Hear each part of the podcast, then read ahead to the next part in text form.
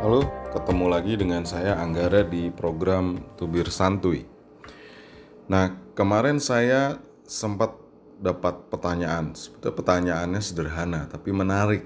Jadi ada pertanyaan seperti ini, kenapa menteri menteri di Indonesia misalnya kalau gagal atau kurang berhasil dalam menjalankan programnya itu tidak mau mundur atau tidak berkenan mundur lah.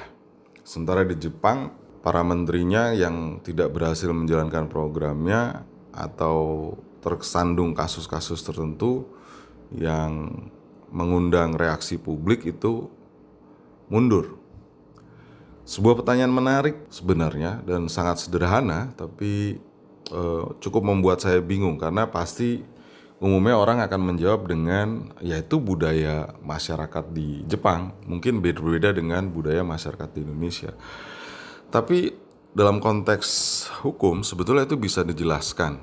Jadi ada perbedaan sistem pemerintahan karena Jepang menganut sistem pemerintahan parlementer sehingga eh, menteri-menteri tersebut atau kabinet secara keseluruhan atau masing-masing menteri secara individual itu bertanggung jawab terhadap parlemen sehingga ketika parlemen e, menyatakan mosi tidak percaya bisa jadi menteri satu orang menteri atau beberapa orang menteri atau keseluruhan anggota kabinet itu uh, mundur.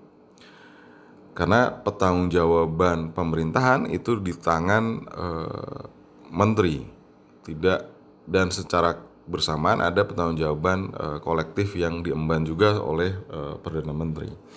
Nah, agak berbeda dengan konteks Indonesia yang menganut uh, pemerintahan presidensial, di mana pertanggungjawaban pemerintahan secara kolektif uh, itu berada di tangan presiden. Jadi kita memang tidak mengenal pertanggungjawaban individual dari menteri karena pertanggungjawaban itu berada di tangan presiden. Uh, itu sebabnya uh, dalam hukum bisa dijelaskan kenapa ada perbedaan semacam budaya dari pemerintahan di Jepang dan di Indonesia.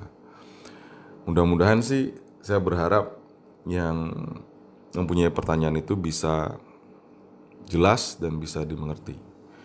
Sampai ketemu lagi di program Tubir Santuy bersama saya Anggara.